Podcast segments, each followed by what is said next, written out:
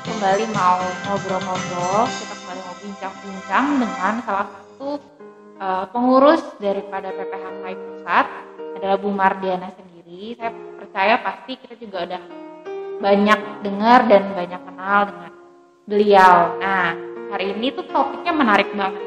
Kita mau bahas tentang uh, kekuasaan, power. Nah, pertanyaannya kalau kita lihat dengan kondisi bangsa kita hari ini, kalau menurut Bu Mardiana sendiri, negara kita ini negara hukum atau kekuasaan ya? Karena sepertinya teman-teman yang dengerin uh, agak tipis ya. Oke, Ya, negara hukum atau negara kekuasaan ya. Hmm. Ya, hukum itu kan sebenarnya salah satu cara untuk exercise the power. Jadi power atau power itu kenapa diberikan?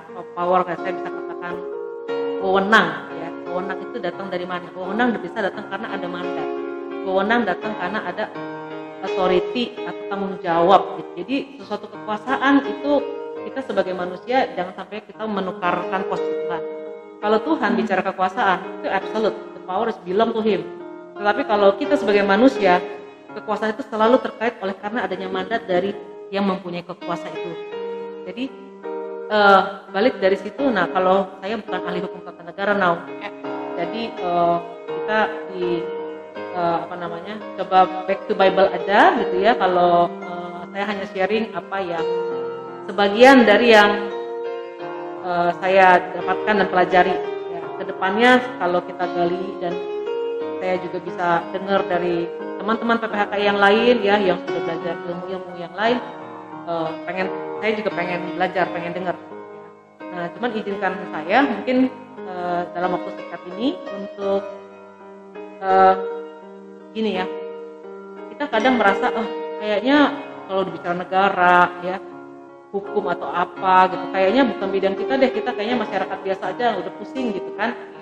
Tetapi Tuhan ngajar juga loh saya ini juga bukan orang yang uh, berkecimpung ataupun apalagi masuk ke celup-celup sedikit pun enggak ya ke politik dan kekuasaan tetapi uh, ketika kita lagi dalam uh, misal di pekerjaan gitu ya di pekerjaan kita diberi tanggung jawab besar nih misalnya ya.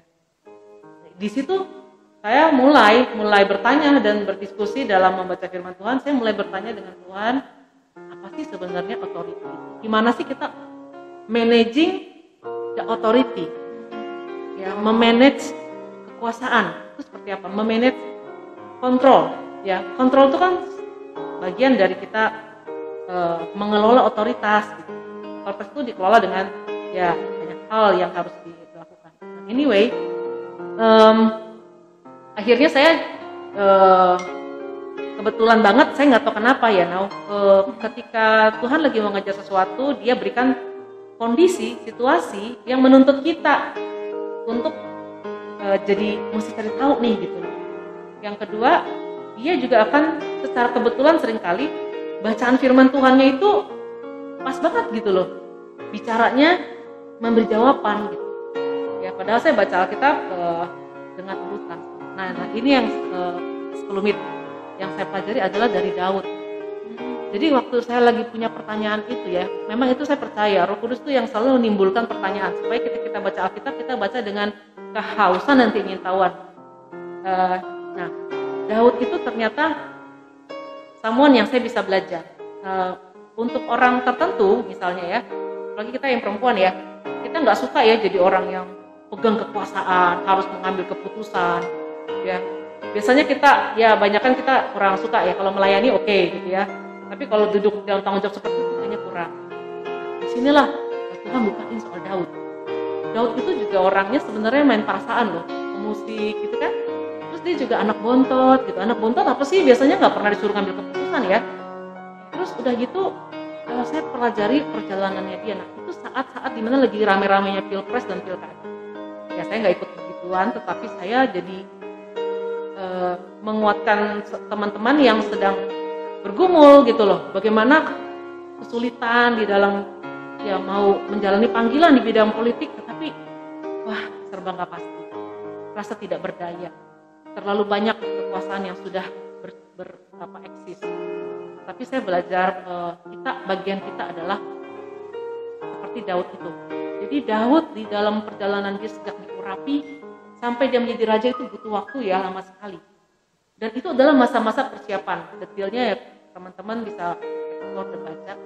Tapi yang saya dapat intinya adalah Daud itu dipersiapkan untuk bagaimana ya dikirim oleh Tuhan pasukan di padang gurun ya orang-orang pemberontak kemudian e, bertahap Tuhan berikan tiga perwira yang luar biasa akhirnya pada timing yang tepat Tuhan sendiri yang kayak udah nyiapin semuanya Daud tinggal naik dan dalam perjalanan Daud sebenarnya ketika da, Daud itu sudah mau eh, sorry ketika Saul ya dalam posisi udah turun secara pengaruh dan penyertaan Tuhan itu mulai banyak musuh-musuh politiknya atau orang-orang yang kepercayaan dia yang mengkhianati dan mulai mencoba untuk mengambil posisi. Itu jadi seru banget itu kita itu. Dan itu bukan panglima-panglima yang biasa mereka itu ya Yoab dan sebagainya itu bukan orang biasa. Tapi entah bagaimana karena emang Tuhan sudah mengurapi jadi pengurapan dan tekanan Tuhan penting banget. Itu yang Tuhan yang berperang buat dia. Daud sama sekali tidak mencoba walaupun dia udah diurapi dia nggak mencoba gini. Uh, pede gitu ya langsung take the apa opportunity langsung mencoba untuk menggeser Saul. Enggak enggak. Dia begitu menghormati waktu Tuhan bahkan dia menghormati otoritas Tuhan terhadap Saul orang yang diurapi Tuhan. Dengan cara apa? Even nyawanya terancam begitu dia nggak mau membunuh Saul ketika ada kesempatan jadi dia menghormati Tuhan lebih dari menghormati nyawanya. Dia menghormati Tuhan even terhadap dia bisa melihat ada Tuhan di di dalam diri musuh politiknya. Jadi saya bilang gila ini Daud ini luar biasa sekali pengendalian diri. Dan dan ketika detik terakhir uh, uh, Daud sudah sudah pegang pegang satu bagian uh, dia kan jadi ditabiskan itu untuk satu wilayah tertentu kan, yang sisanya belum. Nah, tapi ketika Tuhan bekerja sedemikian rupa, musuh-musuh itu yang mau mau coba jadi raja gantiin Saul, itu pada Absalom segala eh bukan Absalom ya, pokoknya ada ya macam-macam deh kejadian yang terjadi. Bisa Daud akhirnya luput ya, padahal dia yang jadi buronan. Dia yang luput, semua orang-orang yang bersaing untuk meraih kekuasaan itu tumbang-tumbang dengan sendirinya. Lalu rakyat ya ada pasal dan ayatnya rakyat dengan dengan sangat mulus langsung mau menobatkan dia tanpa ada apa ya nggak perlu dia mempromosikan diri gitu. Aduh luar biasa sekali. Jadi uh, saya belajar. Nggak nggak perlu. Dan memang kira-kira dari situ saya semakin mengerti uh, uh, bagaimana sikap Daud terhadap kekuasaan namun Daud ketika memimpin pasukan dan eh, orang-orang yang ada di bawah kekuasaan dia, dia juga bisa tegas. Nah, kalau ada yang salah, tapi orang itu di bawah kekuasaan dia memang dia tegas sekali, langsung diambil tindakan. Ya termasuk misalnya di, pada saat uh, apa, uh, ada orang yang melaporkan kematian Saul dan Yonatan, lalu tak kenapa Daud menemukan sesuatu yang nggak beres dan dia langsung tindak tegas orang. Nah jadi juga jangan boleh lemah. Kita harus berani. Kalau ada yang salah harus berani itulah menurut saya Daud itu ya seorang mengelola otoritasnya. Saya belajar. Kita banyak di dalam dunia. Pekerjaan organisasi pelayanan kantor. Kita mesti punya keseimbangan yang jadi lebih ke sikap hati menurut saya ya. Situasi di sekitar itu don't worry the power semuanya Tuhan yang ngatur.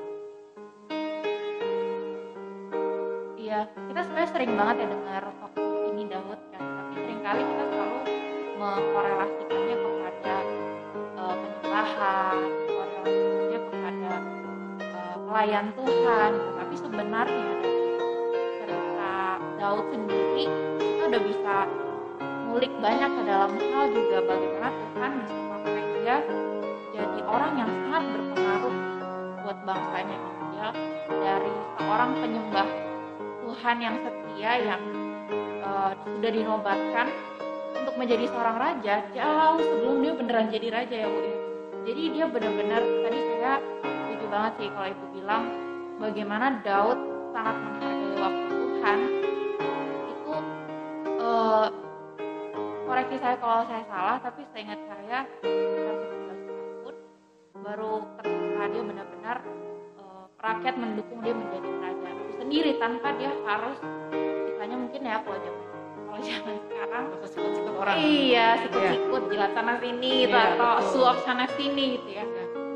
nah mungkin ini pola pikir pola pikir yang udah sangat tanda kutip biasa gitu tapi kalau kita pelajarin benar-benar bagaimana otoritas Tuhan yang seharusnya hargain itu bakal bawa kita ke tempat di mana Tuhan udah janjiin gitu, tanpa kita harus gitu ya.